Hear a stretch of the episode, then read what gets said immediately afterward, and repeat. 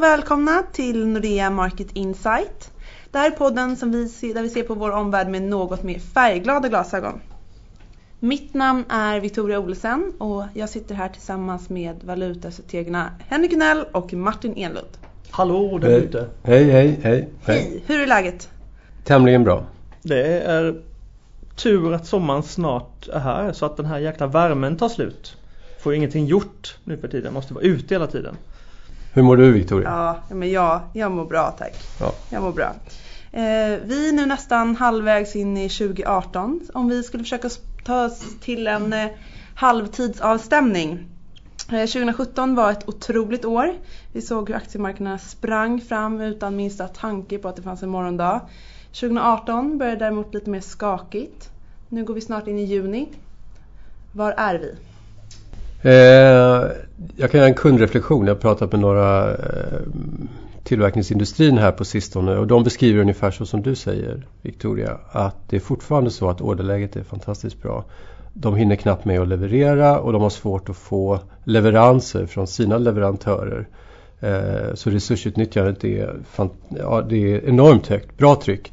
Och samtidigt då blir det ganska intressant när vi tittar i våra mer framåtblickande indikatorer som visar på att tillverkningsindustrin till exempel i Tyskland kan vara nere på noll här i årstakt inom sex månader.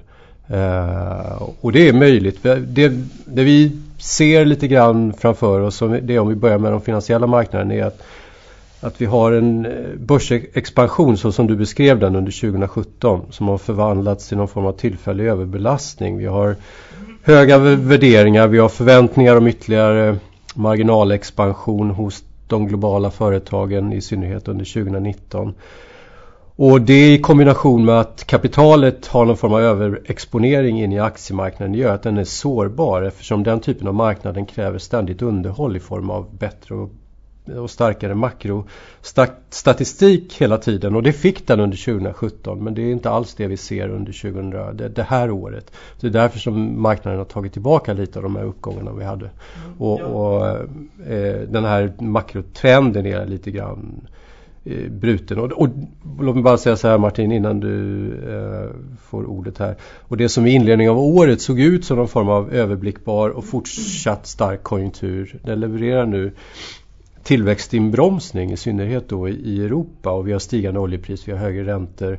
Vi har till och med en statsskuldsväxel i USA som avkastar mer än vad utdelningen på S&P gör. Och den amerikanska tioåringen är på 3,12 ja, 3,12 mm. Som Henrik säger så har det spetat på bra där ute. Ja. Konjunkturen spetar på, börsen har rusat generellt sett. Um, och innan jag utvecklar Henriks eh, förklaring till vad vi tror framgent så vill jag bara säga att um, på marknaden tycker jag att man kan egentligen skilja på tre tidshorisonter som kan vara kul att ha med sig.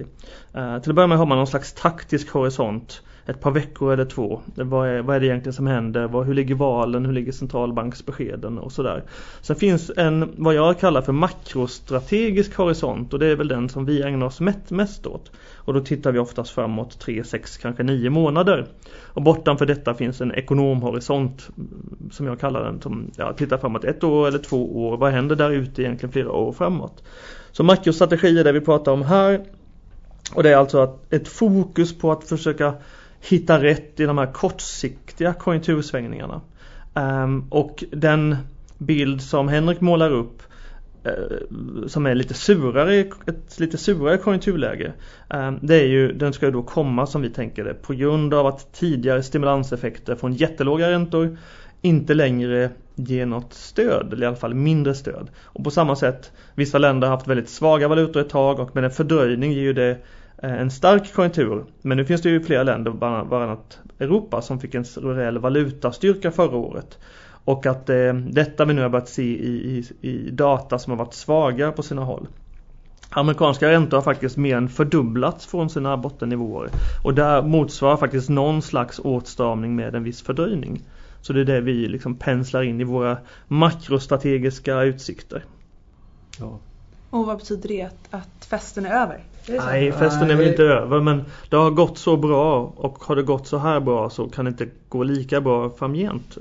Inom, i någon utsträckning. Det måste bromsa in lite av sin egen hastighet bland annat. Men det intressanta är ju att eh, när vi ser de här inbromsningarna i serverdata och så vidare. Normalt sett så brukar ju, och även i USA så är det någon form av inbromsning i den data som är mer framåtblickande.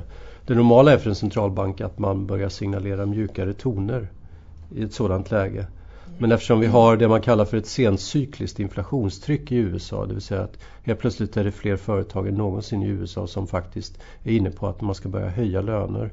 Och vi har en löneökningstrend som är positiv och en inflationstrend som är positiv.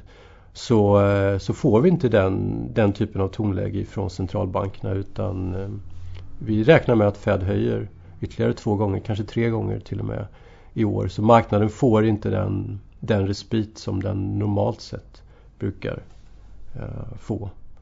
Och därför gör det det ännu mer intressant. Så vi har egentligen en vikande konjunktur, räntor är på väg upp. Och det naturligtvis är ju, det är ju ingen mumma för tillgångsmarknader. För det betyder ju egentligen lägre intäkter, högre kostnader på kort sikt. Sen vill jag ju nämna några ord om, om det här med eh, mönstermatchning eller mönsterigenkänning. Ehm, jag brukar ibland försöka använda mig av komplicerade ord som ingen begriper och ett sånt ord jag lärt mig ganska nyligen är apofeni. Och det är när man ser mönster som inte finns där. Ehm, men nu tänker ju vi oss att vi ser ändå ett mönster och kanske finns det ett mönster här. Ehm, som relaterar till vad, vad, vad Henrik eh, pratar om här. Och det handlar om till exempel kryptovalutorna som började gå rejäl kräftgång i december förra året. Varför, varför blev det så? Och varför ser vi Indonesien ställa in obligationsemissioner? Varför kollapsar den turkiska, turkiska valutan? Varför måste argentinarna tokhöja räntan? Och det räcker inte för att stabilisera den argentinska peson. Varför stiger kreditförlusterna i USA? Varför kollapsade XIV-produkterna för ett par månader sedan? Så eh, det kan vara så att vi ser mönster där det inte finns något men det kan också vara att alla de här små grejerna som ploppar upp överallt att det är exempel på kolavippande kanariefåglar i den här finansiella kolgruvan som vi fokuserar på. Så det stödjer oss lite i vår syn om att allting står inte helt rätt till där ute och att det kanske ska bli lite surare ändå där, eh, ja, framåt vad gäller riskaptiten då. Men av den enkla anledningen att det, det kan inte gå så bra så länge? Eller? Det är den ena anledningen. Det, så om det går otroligt fantastiskt mega bra då är den bästa prognosen att det går mindre fantastiskt mega bra om ett år. Det är en sak och det Henrik beskriver att det går ju som tåget där ute rent konjunkturellt. Men det är också så att, att om en centralbank toksänker räntan till exempel då gynnar det ju tillväxten så länge som räntorna faller. Men om räntorna stabiliseras då blir det inte alls lika då blir det inte en lika stor boost till, till tillväxten helt enkelt. Då. Det är det vi tänker oss att räntorna har faktiskt gått upp och då motsvarar det en åtstramning, åtstramande effekt. Precis. Mm. Och om vi ska titta på vad det skulle få effekt för på långa räntor till exempel. Vad, vad kan vi vänta oss kommer ske ja, i sådana fall? Alltså det som Martin pratar om är ju det här att USA anser sig behöva högre räntor som enda centralbank som höjer räntorna igen. Men inte världen vill inte ha högre räntor. Och det ser vi att saker och ting kollapsar när vi får både dollarstyrka och högre räntor.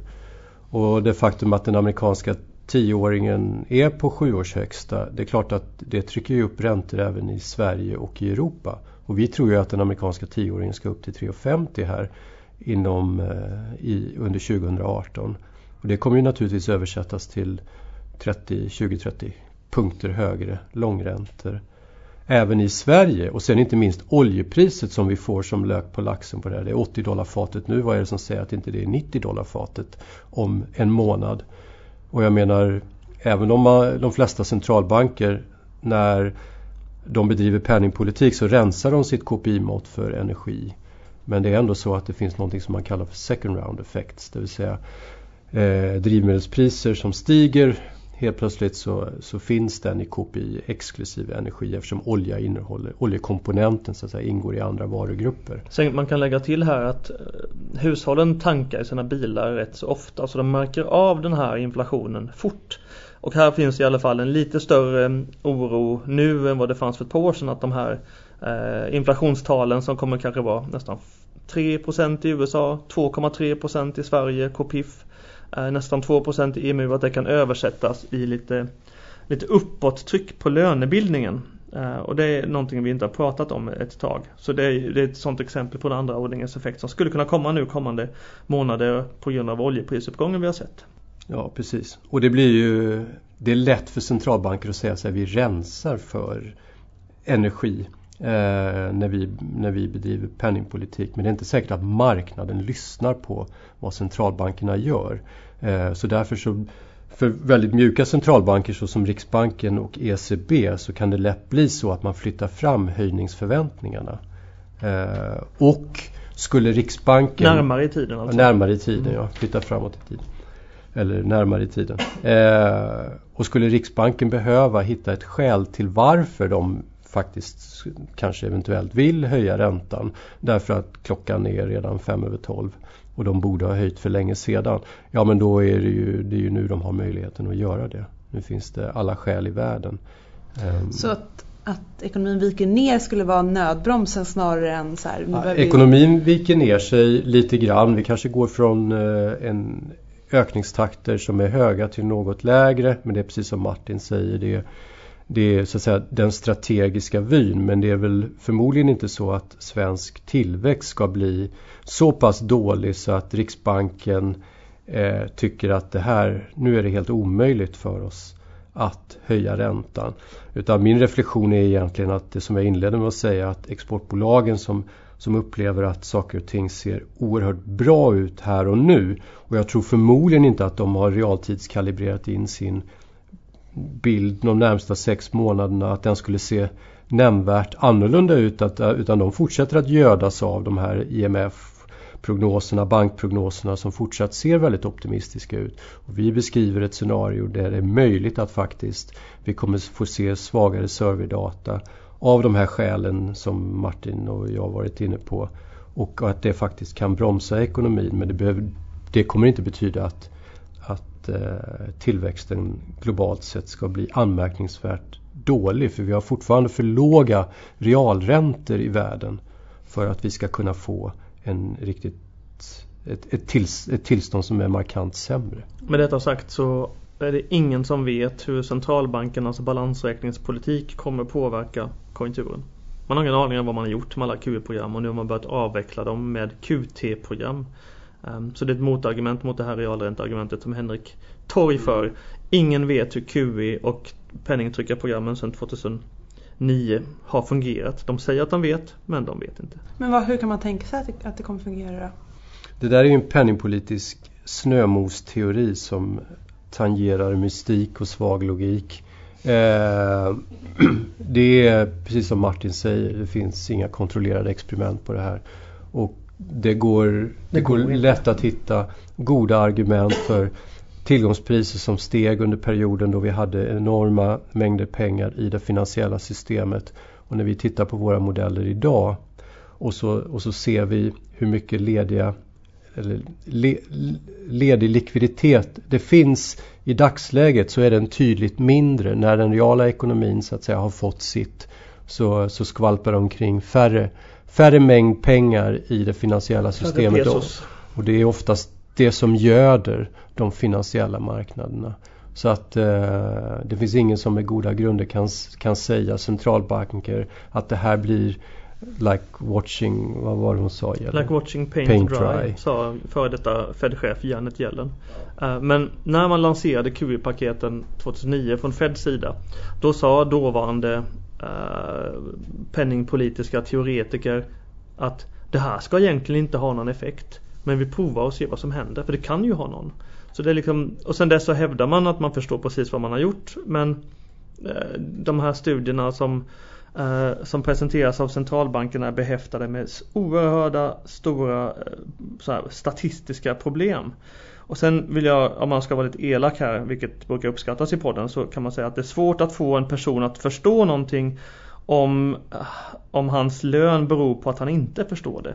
Så de här att centralbankerna säger att vi vet precis vilka effekter det har haft. Ja, vad förväntar ni er? Mm. Ja, precis, såklart.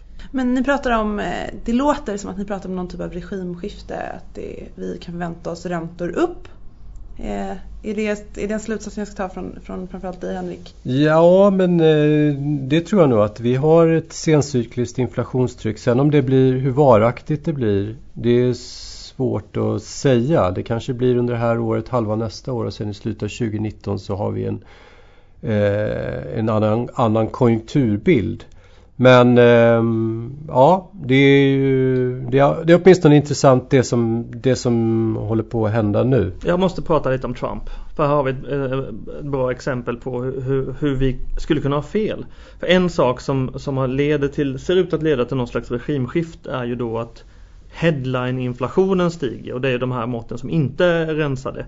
Centralbanker har ju en tendens att så fort någonting inte passar dem då byter de mål. Äh, men nu fokuserar vi på KPIF, nu på KPI, nu på KPIF x energi, nu på KPIF x energi och mat och sen x mat, x energi, x valuta, x bostäder och så fortsätter det och så gör de precis vad de vill. Och det som händer nu är att inflationssiffrorna stiger för att, bensin, för att bensinpriset har gått upp mycket och oljepris, oljepriset har gått upp mycket. Och det här beror ju ganska mycket på att det kommer nya sanktioner mot Iran och där finns det en oro kring utbudet av olja att det kommer bli mindre än tidigare. Um, samtidigt sett så kanske det finns OPEC har väl sina fingrar med i spelet och kanske inte pumpar lika mycket just nu på grund av att Saudiarabien ska göra en jättestor emission av sitt oljebolag. En IPO av sitt oljebolag så småningom så de vill kanske ha höga bensinpriser. Men vad har detta då att göra med Trump? Kom ihåg för några månader sedan när alla sa oj oj oj nu kommer det bli globalt kärnvapenkrig igen för Trump twittrar att Kim Jong-Un är en liten raketpojke och att Trump har mycket större liksom, eh, avfyrningsknappar vad gäller sina robotar. Men nu verkar det faktiskt bli avspänning på Koreahalvön. Eh, och istället så har fokus skiftat på Iran. Eh, så man ska inte utesluta att någonting händer där också så småningom. Att det kommer massor mer utbud från Iran. Att, att någonting händer som gör att det löser sig kvickare än man tror. Och då kan ju oljepriset falla tillbaka rätt snabbt. Och då ändras ju den här eh, spelplanen som sista månaden tycks ha ritats upp på de finansiella marknaderna. Ehm, så man ska ha med sig att alla populära trades på något sätt är långa olja. När oljepriset faller så är den här inflationsuppgången den kommer ju då bli ifrågasatt. Um, ja. Mm. Så vad man än vänder och vrider på det så är det politik det handlar om? Det är det du säger? Ja, ja, precis. Politiska centralbanker och politik. Men också man skulle kunna addera till det här att amerikanerna bedriver underskottspolitik. Vi har 4-5-procentiga budgetunderskott i ett läge då arbetslösheten är 3,9 procent. Det har aldrig hänt förut. Det faktum att man lånar pengar för att dela ut eh, pengar är ett tämligen nytt fenomen. Och, och, som kreditgivare så vill du ha extra betalt om du bedriver den typen utav, av eh, offentliga eh, politik med offentliga finanser. Och det finns ingenting som talar för att amerikanerna ska, ska upphöra utan man kommer ha budgetunderskott år ut och år in och statsskulden kommer förmodligen växa som en andel av eh, BNP. Så som vindarna blåser just nu för Trump är en är kohortes så skulle, kan man faktiskt nästan tänka sig nu att Republikanerna fortsätter att ha kontroll över representanthuset. För det har man ju prisat ut i någon mån från, i de finansiella marknaderna och bettingsajterna på sistone. Att Mellanvalen. Demokraterna kommer ta över representanthuset nu i höst. Eh, men nu stiger sannolikheten enligt bettingmarknaderna för detta tack vare att det går så bra för Trump i olika sådana här eh, opinionsundersökningar. Han verkar bli all, allt mer populär bland amerikaner. Och om han lyckas ha, om Republikanerna fortsätter ha kontroll över representanthuset, då kan man ju tänka sig att det blir fortsatt väldigt expansiv finanspolitik. Eh, Medan om Demokraterna får kontroll så kanske de, ja, då kommer de ju sätta stopp för så mycket som möjligt och även försöka sätta Trump i riksrätt kanske. Och, men skulle det spä på då den här trenden som ni redan ser? Ja, ja alltså en ja, sak som har överraskat oss i år det är att USA går ändå lite bättre än vad vi hade tänkt oss. Eh, och de här sentida enkätundersökningarna i USA från Philadelphia-regionen till exempel den säger att här och nu mitt i sommaren 2018 så går det ännu bättre i USA. Och det är förmodligen delvis påhejat av den här skattereformen som har gett större positiva effekter än, än vi trodde och än vad många andra trodde. Mm. Om vi ska eh, titta bort från USA en sekund och titta till Italien istället. Eh, Italien har varit i ett politiskt vakuum skulle man kunna säga. Sen valet i mars och vi fick idag typ reda på att en Giuseppe Conti ska bli, eller förväntas bli, eh, nominerad till premiär, premiärministerrollen. Är vi tillbaka till att det bara handlar om politik? Jag tycker att det roligaste av allt med det här är att människan ser ut som Charlie Sheen. Jag vill alltså säga att nu visar då Martin en bild på Charlie Sheen och Charlie Jesse, Sheen som Giuseppe Italiens Conte. premiärminister. ja, tämligen lik. Mm. Fantastiskt. Ja. Mm. Det, ni som lyssnar får googla då samtidigt Charlie Sheen och Giuseppe Conte. Med samma talanger? Ja, det får vi se. Jag menar Italien har erbjudit mycket underhållande politik genom åren. Och häromveckan fick Berlusconi ett lagförslag, eh, en lag, ja, i alla fall Berlusconi. Eh, man kan tycka vad man vill om honom. Eh, han har väl på något sätt i alla fall varit lite underhållande om man, om man ser söderöver. Han får faktiskt nu bli eh, anställd av staten igen för han blir förbjuden att vara det. Eh, så det var inte så länge sedan man funderade på när, när den här skådisliknande människan kommer tillbaka. Men nu fick vi Charlie Sheen istället. Ja. Men ja, det är ju räntor som stiger i Italien. Mm. Till exempel. Ja. Och det är bankaktier som faller.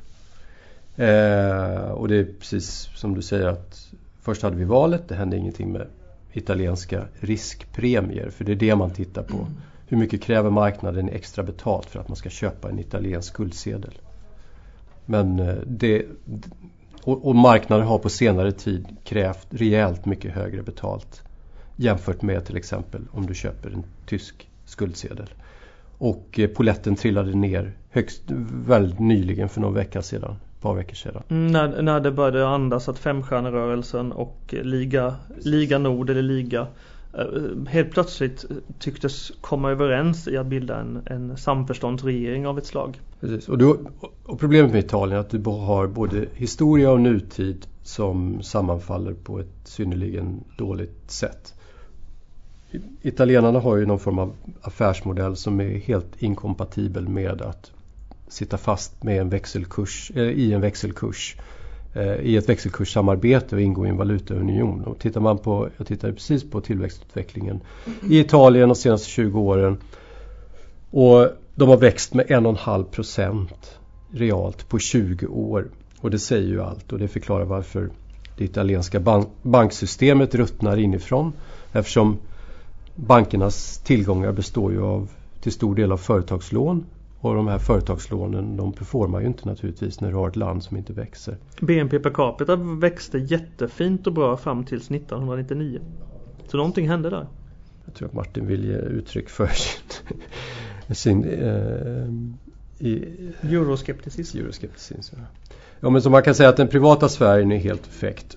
Och den stora staten då som ingen italienare har förtroende för och är villig att sluta upp kring de har lyckats med konststycket att bygga upp en statsskuld som är en av de största i västvärlden i relation till BNP. Det var bara grekerna som slår dem. Ja, precis. Och samtidigt så har du då en skatteindrivning som är en av de svagaste i Europa. Ja, så allt det där. Skatt för, man så det där är ju liksom, det där är ju, och man har liksom ingen politisk ledare som man har lyckats sluta upp i kring. Vi har ungefär vi har 60, 60 regeringar sedan andra världskriget eller något sånt där.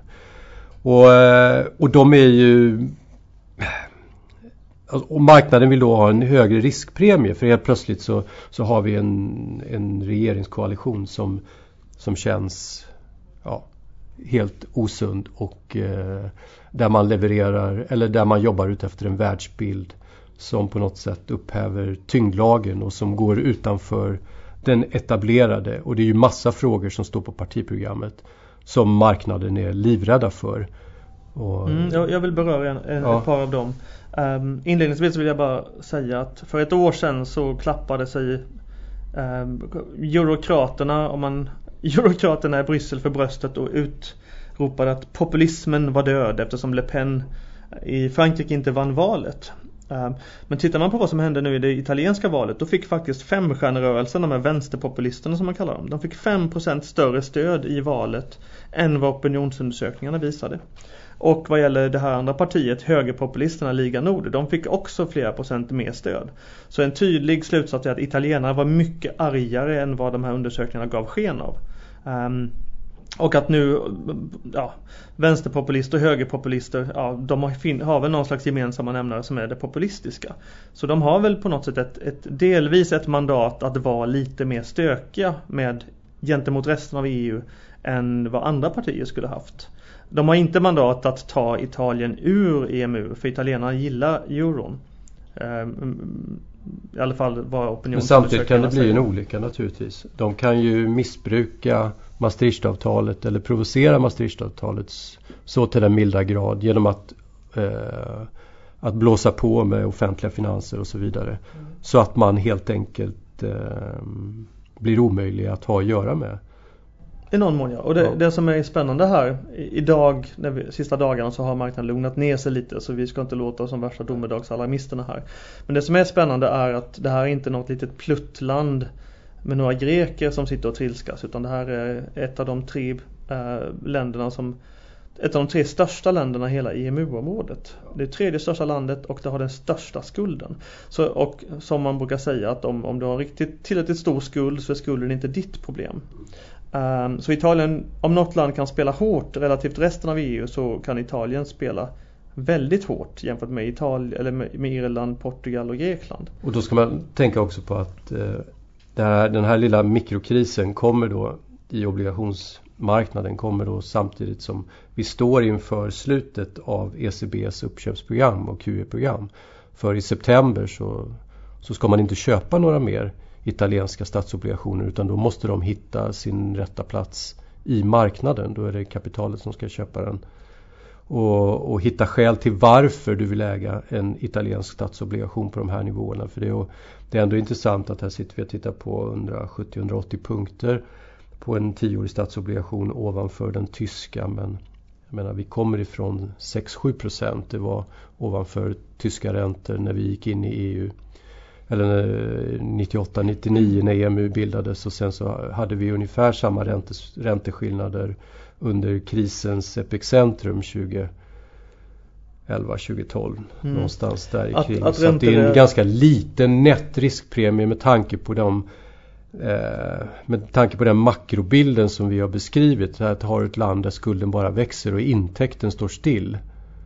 Det är, mm, som sagt var, det är ju tack vare ECBs räddningsprogram och Mario Draghi som man har lyckats med att, att kunna producera lite tillväxt på senare tid. Att få, för att få hyfs på sitt bytesbalansöverskott som gör att man faktiskt har en nettointäkt i euro idag som man inte hade tidigare. Och som en följd av det här så äger ECB 3500 miljarder kronor av Italiens skuldpapper. Så 350 miljarder euro äger ECB.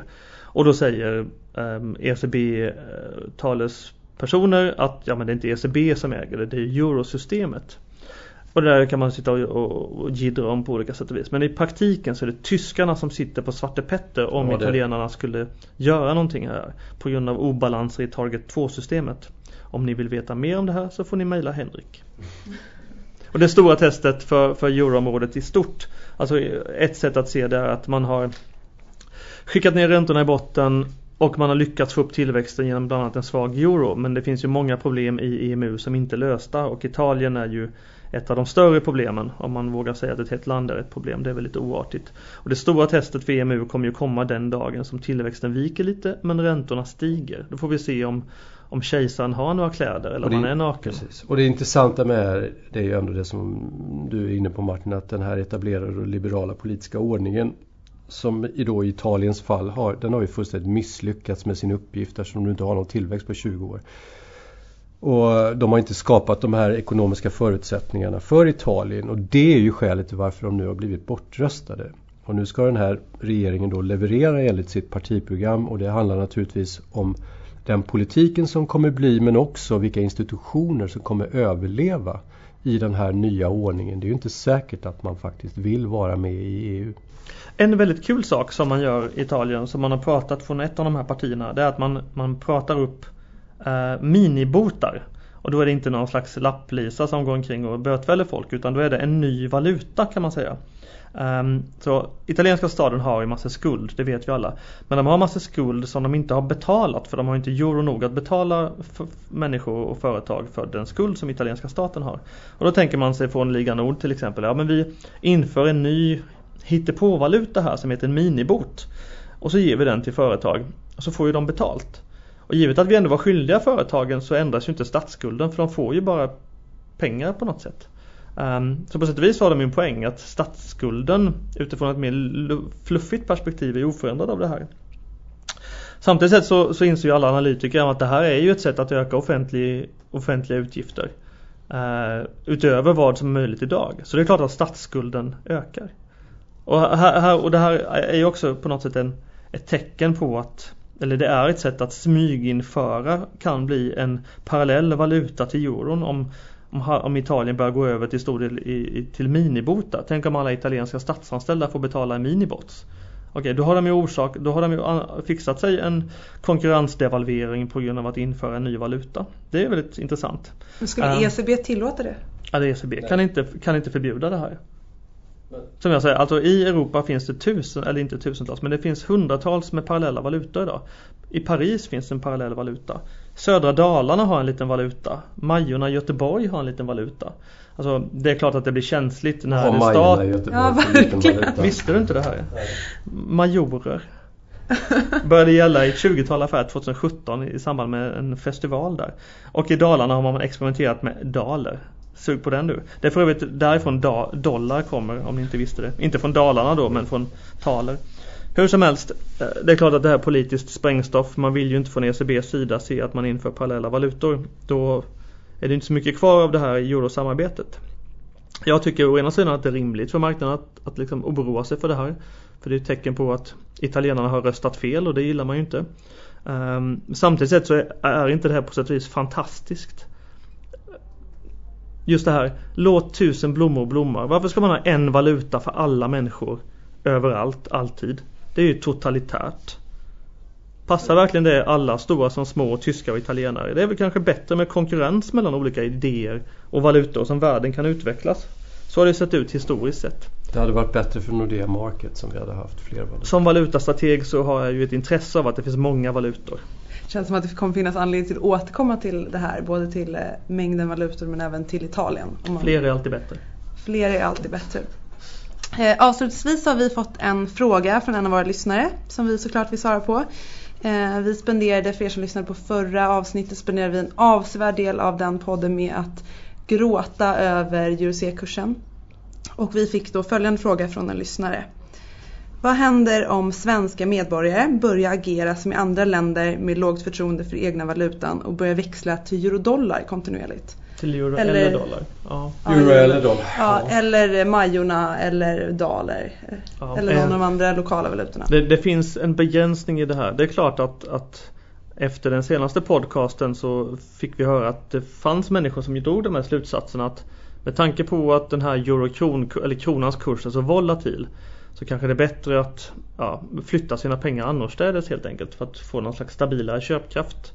Eh, skulle vissa säga. Riksbanken skulle slå ifrån sig förstås. Um, men här finns ju ett problem. Det är att du kan bara betala skatt i kronor. Så du kan ju inte byta, så länge du är skatteskyldig i Sverige så kan du inte bara byta valuta hur som helst. Men det som brukar hända i länder som eh, nu säger inte jag att Sverige är där på långa vägar men det som brukar hända i länder där man för en väldigt eh, i folkets ögon dålig och konstig penningpolitik det är ju att man, att man i det landet byter valuta i praktiken. Till exempel i Zimbabwe och sådana här länder då har ju man devalverat valutan så mycket så hela ekonomin och alla människor i ekonomin börjar använda dollar istället. Och det som händer är ju att till följd av det här så slutar ju på något sätt kronor, svenska kronor skulle i ett sånt här scenario bli, det blir inte lika mycket valuta längre. För det förutsätter att man kan använda dem överallt för annars är det inte en valuta. Vilket vi pratade om i podcasten med, med Mats. Men, ja, men man kan ju se någon form av mikrouppror. Alltså när jag pratar med i synnerhet tillgångskunder så brukar jag vara noga med att poängtera att diversifieringen i utländska tillgångar den är minst lika viktig som riskspridningen bland olika tillgångsslag eh, i Sverige. Jag menar 10 miljoner som du köper eh, något medelklass tristessboende för i, i Sverige. Det är knappast, om man översätter det till dollar, en inträdesbiljett i, i New York eh, eller i LA eller omräknat i dollar eller i pund i, i London för den delen. Så vi lever ju med någon form av money illusion. För samtidigt som vi har fastighetspriser som stiger så urholkas värdet på på kronan. Och drivkraften och embryot till de bägge de här rörelserna det är ju Riksbankens eh, låga räntor. Och det är ju ingenting som man behöver oroa sig för när man bor i Schweiz men det måste man ta i beräkningen när man eh, lever i Sverige och som jag brukar säga papperspengar är inte mer värda än trovärdigheten för vårdarna av systemet. Så hårdvalutan är ju inte kronan. Alltså hade man möjlighet och jag tänker ofta att man, man måste växla till dollar, euro och franc. Eh, skaffa hård, hårdvalutan och skicka pengarna så långt bort, bort från Sveriges gränser som man någonsin kan. För vinnarna är ju de som inte längre är fångna i det svenska systemet. Eh, och som tvingas utstå den här svenska devalveringspolitiken. Så vi har de högsta skatterna i världen. Ja, men... de, ja, de lägsta räntorna. Sett ur ett avkastningsperspektiv är en, tillgångs, en tillgångskund. Låga räntor, devalveringspolitik och höga skatter. Först skickar, Riksbank, först skickar Riksbanken kronan i sank så att svenskarna inte har råd att åka utomlands. Och sen kommer regeringen och höjer bensinskatten så att man inte ens kan åka på husvagnssemester. Och dollar, samtidigt stiger. Samtidigt sett så säger de alla ska med. Men vart då? ja, det är fantastiskt. Precis vart då? Och sen, och sen har du det här mikroupproret. Jag menar, vi hade vi var, eh, Market Sales var i London för ett tag sedan. De skulle göra reklam för en svensk produkt. De åkte runt till eh, hedgefonder etc. Eh, pratade sig varma för den här produkten var på svaret blir nej tyvärr. Eh, det låter intressant men vi vill inte ta i, i det som är segt denominerat. Vi vill faktiskt inte äga eh, svenska kronor i dagsläget därför att vi, lit, vi, vi förstår inte er penningpolitik och det är alldeles för mycket av en random walk eh, att, att hantera svenska kronan. Så tack men nej tack. Så för att svara på frågan. Vad händer om svenska folket börjar agera i länder och liksom börjar fly kronor och istället försöka spara i andra valutor? Ja, då blir kronan svagare än vad den annars skulle bli. Och då kommer Riksbanken tänka, åh vad härligt, nu får vi lite inflation i systemet. Och i och med att vi har, vi har liksom det track record som vi har i, när det gäller kundvård från eh, Riksbankens sida från de som köper och äger svenska tillgångar så, så är det ju inte säkert att de väljer att, eh, att stå vid svenskarnas sida den dagen som skiten träffar fläkten. Vi får nog faktiskt sätta punkt där. Ni målar en, en, en, en Martin, Martin du verkar vilja säga någonting mer liksom, som nu, målar nu drog, vi ner publik, nu drog vi ner publiken i liksom mörkret igen. Ja, verkligen mörkret. och så vidare. Och jag vill bara citera Karl Marx han hade fel om nästan all ekonomi som han ägnade sig åt men han hade ändå vissa poänger. Och han sa att mänskligheten ger sig självt bara uppdrag som går att lösa. Eftersom problemen som vi nu har beskrivit, de uppstår de, då de materiella förutsättningarna för en lösning är på plats. Så de materiella förutsättningarna för att lösa våra problem, de finns där. Det gäller bara att vi fixar problemet och löser problemen. Det är väl hoppfullt? Det är lätt hoppfullt. Ja, härligt Martin. Med det sentimentet så tycker jag att vi kan avsluta med gott samvete faktiskt för idag. Stort tack till er som har lyssnat. Eh, tack till Martin, tack till Henrik. Vi hörs snart igen och tills dess så finner ni oss och våra kollegor på imarkets.nordea.com. Vi hörs! Tja! Hej!